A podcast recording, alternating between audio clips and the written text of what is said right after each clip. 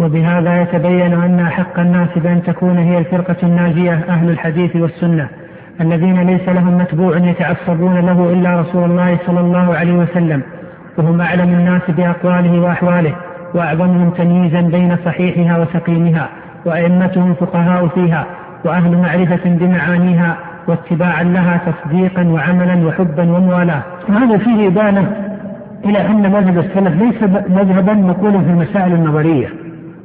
بل هو الدين جميعه ولهذا مذهبهم محقق في الإيمان الذي هو قول وعمل.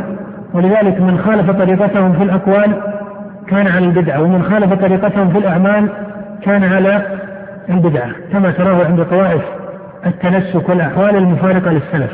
نعم. واتباعا لها تصديقا وعملا وحبا وموالاة لمن والاها ومعاداة لمن عاداها. الذين يردون المقالات المجملة إلى ما جاء به من الكتاب والحكمة فلا ينصبون مقالة ويجعلونها من أصول دينهم وجمل كلامهم إن لم تكن ثابتة فيما جاء به رسول الله فيما جاء به الرسول بل يجعلون ما ما بعث به الرسول من الكتاب والحكمة هو الأصل الذي يعتقدونه وهذا هذا ما لا بد من ضبطه فلا ينسبون مقالة ويجعلونها من أصول دينهم وجمل كلامهم إلا أو إن لم تكن ثابتة فيما جاء به الرسول صلى الله عليه وسلم. هذا هو الأصل المطرد عندهم عند أهل السنة والجماعة. أنهم لا ينسبون مقالة يجعلونها لازمة على المسلمين إلا أن تكون هذه المقالة مما علم مجيء الرسول به صلى الله عليه وسلم ضرورة. وما علم مجيء الرسول به ضرورة فإنه يكون مجمعا. ماذا؟ يكون مجمعا عليه. ولهذا كل ما علم مجيء الرسول به ضرورة فإنه يكون من أصولهم ومن السنة اللازمة عندهم. نعم. قال وما تنازع فيه الناس من مسائل الصفات والقدر والوعيد والأسماء والأمر بالمعروف والنهي عن المنكر وغير ذلك الأسماء مراده بالأسماء هنا الأسماء المتعلقة بالمخالفين والمقصرين من المسلمين. وهي يقال أحيانا مسألة الأسماء والأحكام. يراد بالأحكام حكم مرتكب الكبيرة في الآخرة وبالأسماء اسم مرتكب الكبيرة إيش؟ في الدنيا. هل يسمى مؤمنا أم فاسقا أم مسلما أم كافرا؟ إلى غير ذلك. هذا هو الذي يراد بكلمة الأسماء هنا. نعم. قال يردونه إلى الله ورسوله ويفسرون الألفاظ المجملة التي تنازع فيها أهل التفرق والاختلاف فما كان من معانيها موافقا للكتاب والسنة يثبتوه. وما كان منها مخالفا للكتاب والسنة يبطلوه. نعم وهذه قاعدة أن كل لفظ مجمل حادث فإنه يتوقف فيه ويستفصل في ويستفصل في معناه. كل لفظ مجمل حادث يتوقف في لفظه ويستفصل في معناه. ولهذا لا ترى أن السلف رحمهم الله يتكلمون بالألفاظ المجملة وإنما يستفصلون في معانيها عند ذكرها. وهل يلزم من ذلك أن يكون اللفظ مجملا من جهة وضع اللغة؟ أم يقع ذلك ولو كان الإجمال قد عرض في حقه؟ الأول أو الثاني؟ الثاني. مثلا إذا قيل هل ظاهر هل النصوص الصفات على ظاهرها أم ليست على ظاهرها؟ لفظ الظاهر من جهة كلام العرب. بين أو مجمل؟ لا فيه بيان. فيه بيان وليس من الألفاظ المجملة المترددة بين كثير من المعاني. ولكن المتأخرين من أهل البدع من المتكلمين صاروا يستعملون لفظ الظاهر ويريدون به التشبيه. أليس كذلك؟ فلهذا الدخول صار هذا اللفظ إذا تكلم به أرباب البدعة صار لفظا مجملا. وإذا قيل أتكون النصوص على ظاهرها قيل إذا أريد بالظاهر المعنى المناسب اللائق به سبحانه وتعالى فهي على ظاهرها. إلى آخره. فالقاعدة أن كل لفظ مجمل يكون حادثا أي ليس له ذكر في الكتاب والسنة لا يجوز التعبير به إطلاقا لا إثباتا ولا نفيا نعم. قال ولا يتبعون الظن وما تهوى الأنفس فإن اتباع الظن جهل واتباع هوى النفس بغير علم بغير هدى من الله ظلم. نعم. وهذه آه، من أصول أخلاق العلم عندهم. هذا من أصول أخلاق العلم عند هذه الطائفة أنهم إنما يتبعون العلم ولا يتبعون الظن وما تهوى الأنفس. وأنت ترى الله سبحانه وتعالى في كتابه قد ذكر اتباع الظن واتباع ما تهوى الأنفس من طرائق من من طرائق المشركين. فهذا من أخلاق المشركين في العلم والمعارف أنهم إنما يتبعون الظن وما تهوى الأنفس. وشيخ الإسلام رحمه الله لما تكلم عن مسألة التشبيه التشبه في كتاب اقتضاء الصراط المستقيم قال وكثير من العامة لا يعرفون التشبه إلا في الأحوال الظاهرة كالتشبه بالكفار في لباسهم ومآكلهم ومشاربهم ونحو ذلك. قال ومما يقصد إلى ذكره في هذا المقام ما ذكره الله من الأخلاق العلمية عن أجلاس الكفار. التي دخلت على كثير من المنتسبين للشريعة والعبادة. قال كقول الله تعالى وقالت اليهود ليست النصارى على شيء. وقالت النصارى ليست اليهود على شيء وهم يتلون الكتاب. قال وكثير وكذلك كثير من أهل الشريعة. في المتأخرين لا يرى صاحب التعبد على شيء وصاحب التعبد والنسك لا يرى صاحب العلم والشريعة على شيء. هذا من أخلاق أهل الكتاب الكفار. وهذا كما ذكر رحمه الله في كتبه في الاقتضاء على وجه خاص بين في بعض المتأخرين وهذا من تقصير تحقيقهم للاتباع وترك التشبه بأهل الكتاب وبالكفار ولذلك ما يغنى به أحيانا بعض طلبة العلم أو بعض الشباب من أنهم ينبهون على اليسير وعلى الصغير والكبير من مسائل التشبه في أحوال الناس العامة كاللباس وهذا صحيح ومنهج في التربية سليم ولا بد أن يقرر ويميز المسلمون بأحوالهم وأشكالهم إلى آخره على ما قضت به الشريعة لكن هنا نوع آخر أن بعض من ينبه إلى ذلك قد يكون هو ماذا؟ قد وقع في بعض التشبه حينما يكون صاحب الجهاد لا يرى صاحب العلم إيش؟ على شيء أو يرى صاحب العلم صاحب التعبد والنسك ليس على شيء أو صاحب التعبد لا يرى صاحب العلم على شيء هذه التعارضات هي من جنس قول الله تعالى كل حزب بما لديهم فرحون. وهذا من مثل قوله تعالى وقالت اليهود ليست النصارى على شيء. وكذلك من الأخلاق العلمية عند الكفار أنهم يتبعون الظن وما تهوى الأنفس. ولقد جاءهم من ربهم الهدى، الهدى هو البيان. فإن أصل الهداية هي المحجه البينة. ولهذا يقال هداية الطريق إلى غير ذلك. وإذا لا مكان للظن في حكم الله سبحانه وتعالى ورسوله وإذا كانت المسألة في كلام المتكلم ظنا قد يقول قال كثير من الأحكام الشرعية إيش؟ ماذا؟ ظنية نقول الأحكام الشرعية في نفس الأمر ظنية أو ليست ظنية؟ في نفس الأمر ليست ظنية كل أحكام الله ورسوله الظاهر والباطن هي أحكام قطعية وإنما الظن هو فهم المخاطبين ولهذا من لم يعرف هذا الحكم إلا ظنا ولم يقع عنده قطعا وضرورة لا يجوز أن يجعل هذا القول إيش؟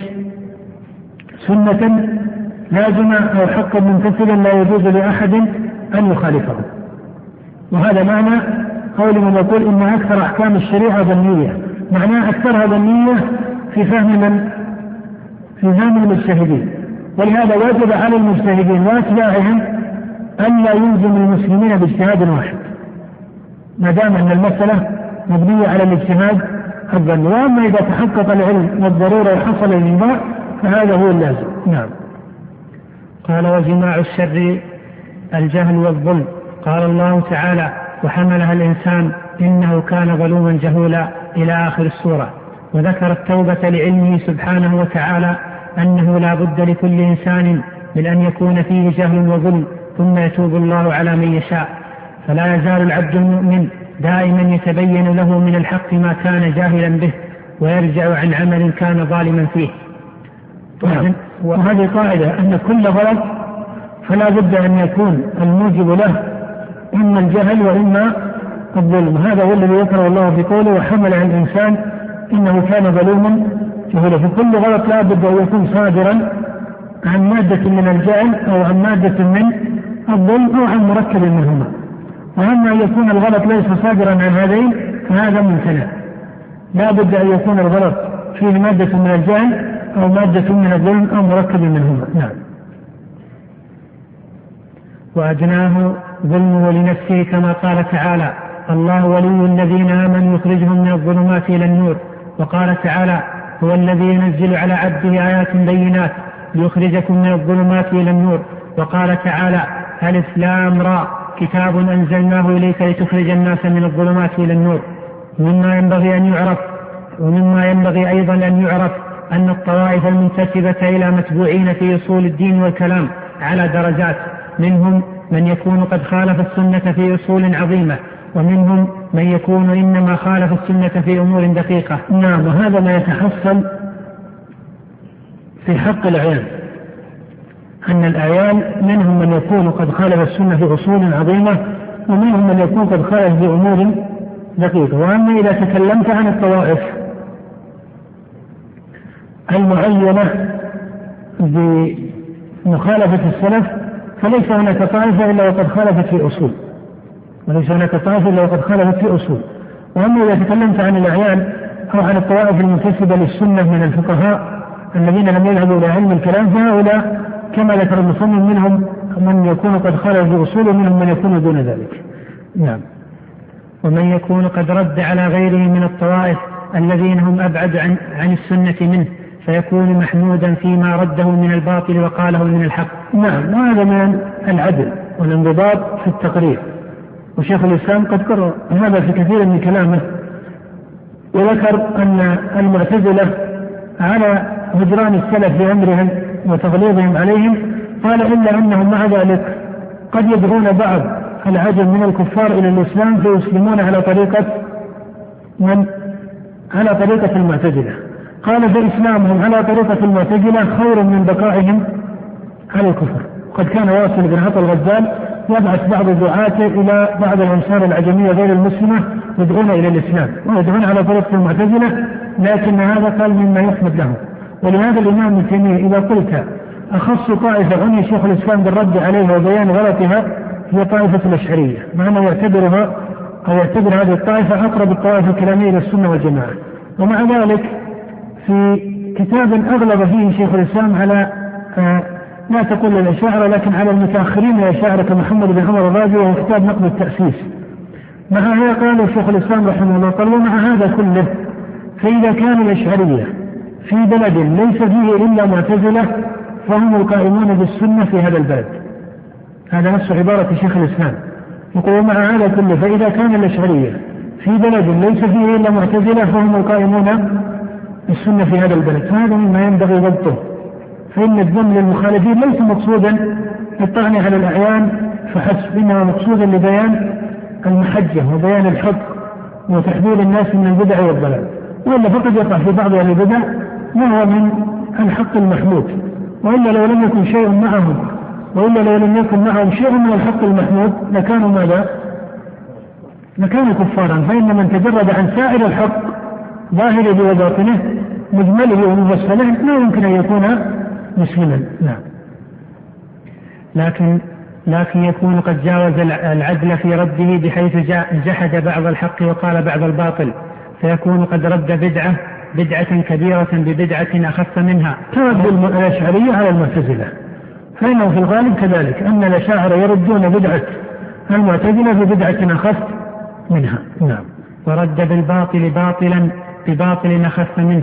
وهذه حال أكثر أهل الكلام المنتسبين إلى السنة والجماعة. يريد بأكثر أهل الكلام المنتسبين إلى السنة الكلابية والأشاعرة والماتريدية. قال المؤلف رحمه الله ونفعنا الله بعلمه وبعلم شيخنا في الدارين آمين. ومثل هؤلاء إذا لم يجعلوا ما ابتدعوه قولا يفارقون به جماعة المسلمين يوالون عليه ويعادون كان من نوع الخطأ. والله سبحانه وتعالى يغفر للمؤمنين خطأهم في مثل ذلك. نعم. قال المصنف رحمه الله ومثل هؤلاء إذا لم يجعلوا ما ابتدعوه قولا يفارقون به جماعة المسلمين يوالون عليه ويعادون كان من نوع الخطأ. هذه إشارة إلى معنى في فقه السلف رحمهم الله للمخالفين أو لأحكام المخالفين وهو أن من اختص ببدعة من البدع ونصبها شعارا يوالي عليها ويعادي عليها وفارق بها الجماعة أي الإجماع الذي عليه الصحابة رضي الله تعالى عنهم. فهذا الانتصاب على هذا القدر لا يكون إلا من طرق أهل البدع الخارجين عن السنة والجماعة. وهؤلاء في الجملة أنهم على قدر من التفريط والتقصير في تحقيق ما يجب عليهم من العلم والعمل. ولكن ثمة أقوال لبعض الأعيان هي من البدع المخالفة للإجماع. ومع ذلك ترى أن هذه الأقوال إنما تعرض عروضا في أقوالهم وفي أحوالهم العامة. بمعنى أن هذا المعين يكون في جمهور أمره على السنة والجماعة. من جهة الموالاة والمعاداة فإنه يوالي السلف ويوالي أهل السنة وينبذ البدع والابتداع في أقواله في مسائل الأصول على أقوال السلف ولكن عرض له شيء من الغلط في بعض مقامات أصول الدين عروضا قد يخفى على ما هو من مثل هؤلاء. فمثل ذلك وإن كان هذا القول الذي عرض له بدعة مخالفا للإجماع وقد أنكره السلف وشددوا فيه إلا أن صاحبه لا يخرج به عن السنة والجماعة. ولا يلزم من ذلك أن يكون من أصحاب البدع بل يعد من أصحاب السنة على هذا القدر من التعليق في شأنه. ويكون غلطه وهذا هو الذي أفاده المصنف في هذا المقام قال ويكون غلطه في الجملة من باب الخطأ الذي اجتهد فيه. والنبي صلى الله عليه وسلم قال وإذا اجتهد فأخطأ فله أجر وإذا اجتهد فأخطأ فله أجر كما في حديث عمرو بن العاص الصحيحين. وهذا يعني أن ثمة أقوالا هي في الأصل من أقوال أهل البدع والضلال عرضت لبعض الفضلاء من الفقهاء أو من أصحاب السنة والجماعة. فهذه الأقوال وإن سماها السلف بأسماء إلا أن من عرضت له لا يجوز أن يسمى بأسماء هذه الكلمة. نقول هذه الكلمات التي تعرض لبعض أصحاب السنة والجماعة من المتأخرين. قد ترى أن السلف سموا هذه الكلمات بإيش؟ بأسماء فلا يلزم أن من عرضت له هذه المقالة يسمى بهذه الأسماء من جهة الخروج من السنة فضلا عن جهة التكفير فضلا عما هو فوق ذلك كالمآلات في الآخرة ومن مثال ذلك مثلا أن الإمام أحمد رحمه الله لما سئل عن حديث الصورة ومن يقول فيه إن الله خلق آدم على صورته أي على صورة آدم أو على صورة المضروب أو نحو ذلك. قال هذا قول الجهمية. وكان أحمد وأمثاله يذهبون إلى أن المراد على صورة الرحمن. ومع هذا تعلم أن ابن خزيمة رحمه الله عرض له هذا القول. فلم يكن هذا تجهما من ابن خزيمة. ولا يجوز أن يسمى جهميا ولا أن يقال إن حكمه حكم الجهمية. ولا أن يقال إنه يذم بما ذم السلف به الجهمية إلى أمثال ذلك. وإن كان قول ابن خزيمة ليس من أقوال أهل السنة وإنما دخل عليه من أقوال أهل البدع فإن أهل السنة قولهم في هذا معروف محفوظ. هذه جهة. الجهة الثانية أن الاشتراك بين جملة من الأعيان في مقالة واحدة لا يلزم منه الاشتراك في تفصيلها.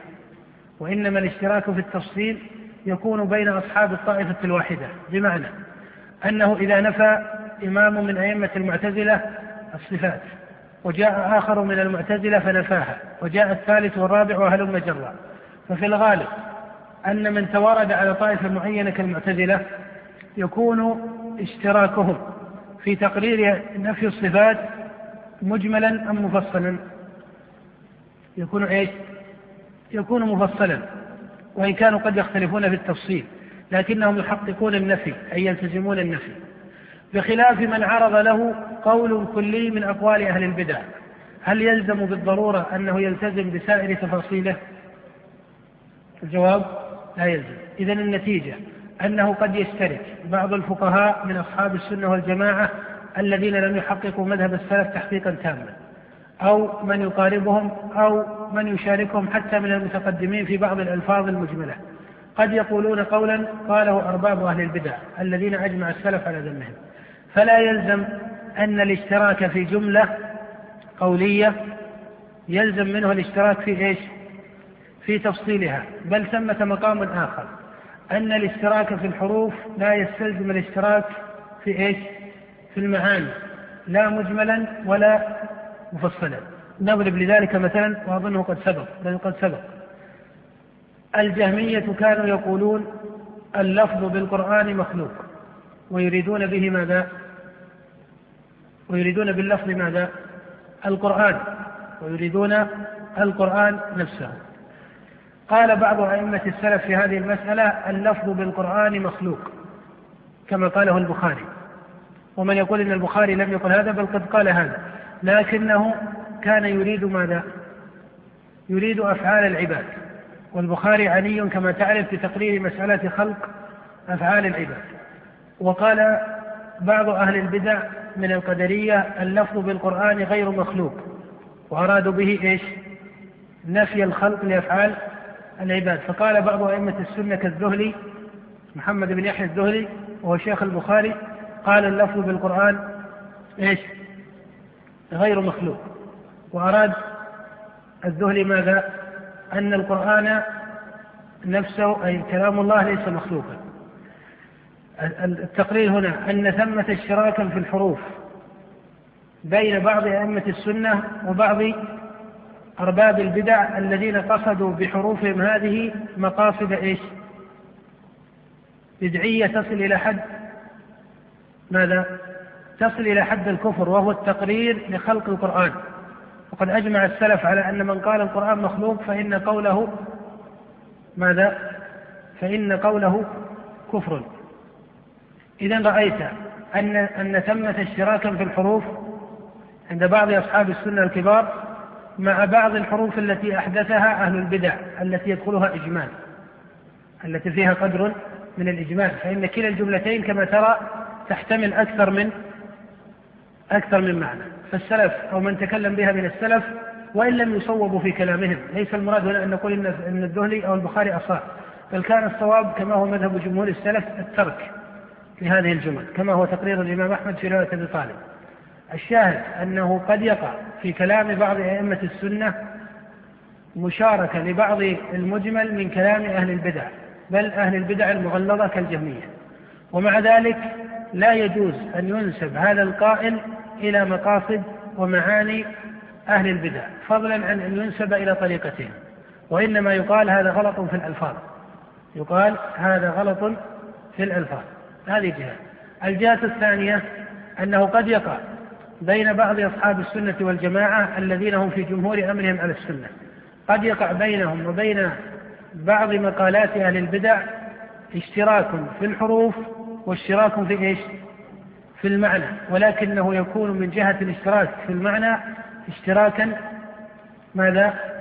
اشتراكا كليا فلا يلزم أن يطرد فيهم سائر التفصيل في هذا المعنى فضلا عن لا يلزم أن يطرد التفصيل فيهم في هذا المعنى فضلا عن فضلا عن غيره لا يلزم أن يطرد فيهم هذا التفصيل في هذا المعنى فضلا عن غيره فإن ابن خزيمة لما قال ما قال في حديث الصورة لم يكن مبنى قوله وإن كان أراد اللفظ أراد المعنى أليس كذلك؟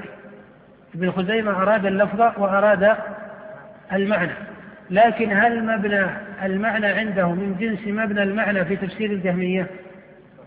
الجهمية إنما قالوا على صورته أي على صورة آدم أو لم يفسروه بما فسره السلف به لأن هذا مبني عندهم على نفي الصفات على نفي الصفات عموما والصورة منها بخلاف ابن خزيمة رحمه الله فإنه من أئمة التحقيق في إثبات الصفات ولكنه في هذا الحرف من الحديث خرجه على هذا التوجيه وهذا قد علم التعقب عليه عند السلف رحمهم الله.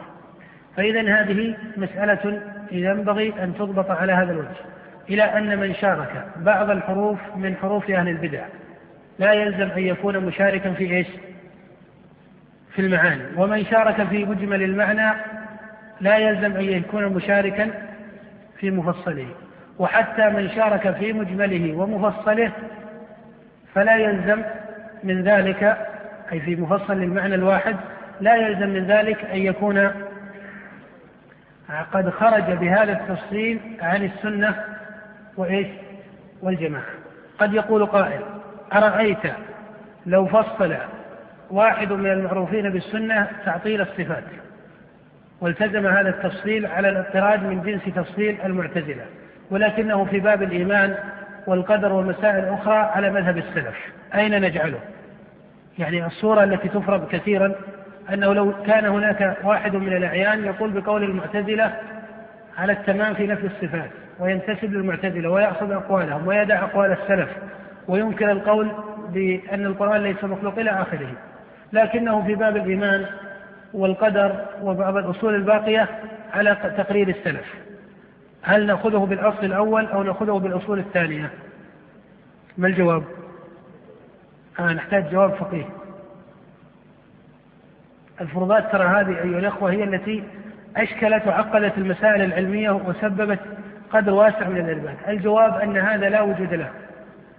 لا يوجد عالم أو ناظر حقق قول المعتزلة في الصفات والتزمه وأنكر قول السلف مجملا ومفصلا حرفا ومعنى ومع ذلك ماذا؟ إذا جاء للإيمان انتصر لقول السلف وأنكر أقوال أهل البدع وإذا جاء للقدر انتصر للسلف إلى آخره. هذا لا يوجد. ولهذا من ينتحل أصلا من أصول أهل البدع المغلظة وينتصر له حرفا ومعنى فهذا لا يمكن أن يكون من أهل السنة والجماعة ولا وجود له أي أنه ينتصر لأصل من أصول البدع ويخالف. قد يقول قائل من مثالات ذلك ابن حزم. ابن حزم رحمه الله وإن كان عنده تفريغ في الصفات أو تعطيل في الصفات وهو مشارك للمعتزلة في كثير من كلامه كما هو معروف في كتابه الفصل وغيره. إلا أن ابن حزم حروفه حروف من؟ حروف ابن حزم حتى في الصفات في الجملة حروف أهل السنة. وإن كان تكلم في لفظة الصفة وقال إنه لا أصل لها كلفظة وإنما قال يسمى فعلا لله إلى آخره. فإذا وإن كان ابن حزم ما يلتزم ترى هذه إشكالية واضحة عند ابن حزم. أنكر حرف الصفة ككلمة صفة مضافة إلى الله ثم في مقامات أخرى هو استعمل هذه الإضافة وقال ومن صفات الله كذا. فإذا أولا ابن حزم من جهة الحروف في الجملة على حروف أهل السنة من جهة المعاني الكلية في الجملة على معاني أهل السنة. من جهة المقامات التي شاع فيها القول كالعلو والقول بخلق القرآن إلى آخره ينتصر لصريح مذهب أهل السنة وينكر على المعتزلة القول بخلق القرآن وما إلى ذلك. إنما عنده قدر ليس يسيرا بل قدر كبير من المعاني من جنس معاني المعتزلة. اختلطت عليه وانعقدت عليه رحمه الله. هذا نعم موجود. لكن الذي تكلمنا في نفيه أن يكون واحد من الأعيان يلتزم مذهب المعتزلة التزاما صرفا التزاما ظاهرا وباطنا أي في الحرف والمعنى. هذا لا وجود له. وهذا هو معنى قول المصنف رحمه الله.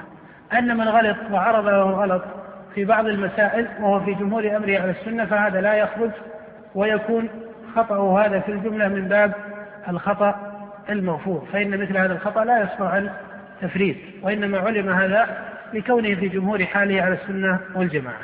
نعم. قال رحمه الله تعالى الشاهد من هذا بارك الله فيك أنه يكون عندك قاعدة أن من قال قولا بدعة لا يلزم أن يكون إيش؟ مبتدعا. هذه قاعدة قطعية منضبطة. بل قال شيخ الإسلام في التاسع عشر وكثير من مجتهدي السلف والخلف قد قالوا وفعلوا ما هو بدعة. يقول في التاسع عشر وهذا صريح عبارته أو نص عبارته يقول وكثير من مجتهدي السلف والخلف قد قالوا وفعلوا ما هو بدعة. قال لكن لم يقم عندهم الحجة الرسالية في مفارقة ما قالوه أو فعلوه للسنة والهدي. فإذا هذا المعنى لا بد من ضبطه في مسألة التبديع وما يتعلق به. فإن كثيرا من الأعيان عرضت لهم أقوال بدعية ولا سيما بعد طبقة الأئمة الطبقة الفاضلة القرون الثلاثة الفاضلة. عرض لكثير من أصحاب السنة والجماعة مقالات شاركوا فيها بعض أهل البدع ودخلت عليهم من أصحابهم. فهؤلاء لا يضافون إلى أهل البدع وإنما يضافون إلى أهل السنة والجماعة. ولا بد أن تحقق أن الاشتراك في الحرف لا يستلزم الاشتراك في المعنى. الاشتراك في مجمل المعنى لا يستلزم الاشتراك في إيش؟ في مفصله. كما قلنا في مرجعة الفقهاء يقولون الإيمان قول وماذا؟ الإيمان قول واعتقاد. هذا قاله مرجعة كثيرون من المتكلمين. فحصل اشتراك بينهم وبين الفقهاء من هؤلاء في مجمل المعنى ومجمل الحرف. لا يلزم أن مفصل المعاني كذلك. كذلك بعض رجال الرواية والإسناد الذين قالوا إن أفعال العباد ليست مخلوقة. ألم يقل هذا بعض الرواة؟ حتى قال الإمام أحمد لو تركنا رواية عن القدرية لتركناها عن أكثر أهل البصر هذا قاله بعض الرواة من من البصريين والشاميين. لكن هو في الأصل قد قرره أئمة أهل البدع الذين هم المعتزلة. اشتراك بين المعتزلة وبين هؤلاء الرواة في أن أفعال العباد عند الطائفتين أو عند الجمعين ليست مخلوقة. هذا نقول اشتراك في إيش؟ في مجمل المعنى وليس في مفصله. ولهذا قول المعتزلة في هذه المسألة أغلب وأشنع من قول هؤلاء. وهكذا. نعم. قال رحمه الله تعالى ولهذا وقع في مثل هذا كثير من سلف الأمة وأئمتها. نعم هذه حرف لا بد من الوقوف معه ومن يلتزم في بعض المعاصرين التتبيع لبعض الأعيان المعروفين بالسنة والجماعة لغلط عرض له بل قل لبدعة إيش؟ عرضت له من البدع القولية التي لا تعد من كليات الأصول ولم يلتزم أصلا مضطردا يعارض السلف في حرفه ومعناه. من التزم تبديع أمثال هؤلاء فإنه يلزمه أن يطرد هذه القاعدة لأن القاعدة لا تفرق بين المعاصر وبين السالف. لا تفرق القاعدة وأنت ترى المصنف وهذا له مثالات مشيرة إلى بعضها بالتعيين والمصنف هنا يقول ولهذا وقع في مثل هذا أي في مثل هذا النوع من البدع التي تعرض عروضا لمن هو في جمهور أصوله على السنة والجماعة. قال كثير من سلف الأمة وأئمتها. كثير من سلف الأمة وأئمتها. نعم. لهم مقالات قالوها باجتهاد وهي تخالف ما ثبت في الكتاب والسنة بخلاف من والى موافقه وعاد مخالفه وفرق بين جماعة المسلمين. أي بين من انتصب أو نصب بدعة من البدع واختص بها وتميز بها وخالف بها جماعة السلف وجماعة أهل السنة والجماعة. فهذا الذي ينتصب هذا الانتصاب ويوالي ويعادي على طائفته ويعين بها ويخرج غيره عن دائرة أهل السنة والجماعة فهذا هو صاحب البدعة ولهذا من قال قولا باجتهاد ولو كان غلطا ولم يوالي ويعادي عليه وهو في جمهور حاله على السنة فهذا من أهل السنة. بخلاف من والى موافقه وعاد من خالفه فهذا هو طريقة أهل البدع. فإن من أخص الأصول الاجتماع على السنة والجماعة. نعم. وفرق بين جماعة المسلمين وكفر وفسق مخالفه دون موافقه في مسائل الآراء والاجتهادات واستحل قتال مخالفه دون موافقه فهؤلاء من أهل التفرق والاختلافات. ولهذا نعم أي من يلتزم التحيز وهذه القاعدة تضطرد إلى أن كل من التزم التحيز على قول من الأقوال وعاد من خالفه فيه فإنه ينظر في هذا القول إما أن يكون من صريح السنن وبينات الهدي وإجماعات السلف القطعية كإجماعهم على الصفات وعلى أن القرآن ليس مخلوقا وعلى أن الإيمان قول وعمل فهذا التحيز بمثل هذه الأقوال والانتصاب لها هذا طريق معروف. بخلاف من قرر بدعة وانتصب لها فهذا لا شك أنه من أهل البدع. وبخلاف من إيش؟ هذه درجة ثانية يتفطن لها. لأن المقرر الذي ينتصب ويتحيز لمقالته ويوالي ويعادي عليها مقالته تكون أحد ثلاث مقالات. إما أن تكون مقالة من مقالات السلف المجمع عليها المنضبطة كقولهم الإيمان قول وعمل. فهنا تحيزه وانتصابه بالموالاة والمعاداة عليها انتصاب إيش؟ صحيح. النوع الثاني من المقالات أن تكون مقالة هذا المعين الذي انتصب لها وتحيز بها أن تكون مقالة ماذا؟ بدعية أن تكون مقالة غلطة. يعلم غلطها ومخالفتها لقول السلف. فهذا لا شك أنه يكون إيش؟ ببدعته وماذا؟ ببدعته وإيش؟ وتحيزه وامتناعه بها يكون صاحب بدعة. قد يقول قائل لماذا التفريق؟ إذا قلت إنه إذا أو إذا قيل إنه ببدعته وانتصابه فلما لم يكن بواحد منهما؟ قيل هذا من فقه الشريعة ألست ترى الصحابة ما كان من ظاهر مذهبهم التكفير لتارك ماذا؟ الزكاة والنبي قال ثم يرى سبيل إما إلى الجنة وإما إلى النار والأئمة كمالك وأمثاله ما كانوا يكفرون تارك الزكاة وهو الذي عليه الجمهور من السلف لكن لما امتنع من امتنع من تارك الزكاة ونصبوا امتناعهم وعادوا به وقاتلوا عليه كفروا أو لم يكفروا كفروا. فإن قيل بما كفروا هل بالامتناع أم بالترك؟ قيل إيش؟ أحسنت. قيل بهما. قيل بهما. إنما كفروا باجتماع الموجب. إنما كفروا باجتماع الموجب الذي اقتضى التكفير. فهذا إذا هذا النوع الثاني. النوع الثالث وهو لا بد من ضبطه وتفطن طالب العلم له من يقول قولا هو اجتهاد. لا تقل إنه إجماع للسلف ولا تقول إن إجماع السلف على إيش؟ على خلافه وضده. بل قال قولا هو اجتهاد واستطاع أن يستدل لهذا الاجتهاد بظاهر من الأدلة الشرعية. ولكن يبقى أن قوله إجماع أو اجتهاد اجتهاد. فإن من قال قولا من أقوال أهل الاجتهاد في المسائل العلمية أو المسائل العملية وانتصب لهذا القول تحيزا وموالاة ومعاداة فهذه من طرق أهل البدع. وهذا يقع أحيانا من كثير من التجمعات العلمية أو الحركية أحيانا. أنهم قد ينتصبون لقول من أقوال أهل الاجتهاد أو هو قول اجتهادي فمن انتصب لقول من الأقوال الاجتهادية سواء بدعه أو كان على طريقة سابقة. فقرر معنى جمعه من مجمل المعاني السابقة فركبه تركيبا مختصا به أو كان هذا المعنى الذي ذكره قد صرح به من صرح من, من قبله. فمن انتصب لقول هو من مقامات أهل الاجتهاد. وإذا قيل متى يعرف أنه من أقوال أهل الاجتهاد؟ قيل إذا لم ينضبط أنه إجماع فهو إيش؟ فهو مما يسوغ فيه الاجتهاد في الجملة. إذا لم ينضبط أنه إجماع فهو مما يسوغ فيه الاجتهاد في الجملة. وإن كان قد يقال إن بعض المجتهدين قد غلطوا هذا مقام آخر. هذا مقام آخر. فإذا المتحصل من هذا أن الانتصاب والتحيز هو في كثير من الموارد أشد ضلالا وخروجا عن مذهب السلف من ماذا؟ من بعض الحروف القولية أو بعض الأفعال الفعلية. ولهذا من يعظم شأن الحروف ولا يعظم التحيز الذي يصاحب قدرا من الافتراق عن عن دائرة أهل السنة الشاملة العامة. فنقول هذا التحيز هو أيضا من ماذا؟ من البدع لأنه لا موجب له. ولهذا الذي ينتسب لأصول أهل السنة المحققة المجمع عليها هل يحتاج إلى تحيز خاص يختص به هو وجماعته؟ لا يحتاج. لما لأن غيره يشاركه يشاركه فيه أو لا يشاركه؟ يشاركه في الإجماعات المنضبطة فلست ترى التحيز يقع إلا عند من يختص بمقام من الاجتهاد المختص له أو المختص به.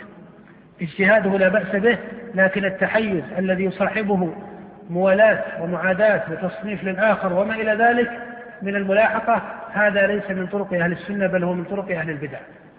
وهو من مخالفة قول الله تعالى واعتصموا بحبل الله جميعا ولا تفرقوا فإن الحبل الذي أمر بالاعتصام به هو المحكم من الشريعة وهي الأصول المجمع عليها علمية أو عملية. نعم.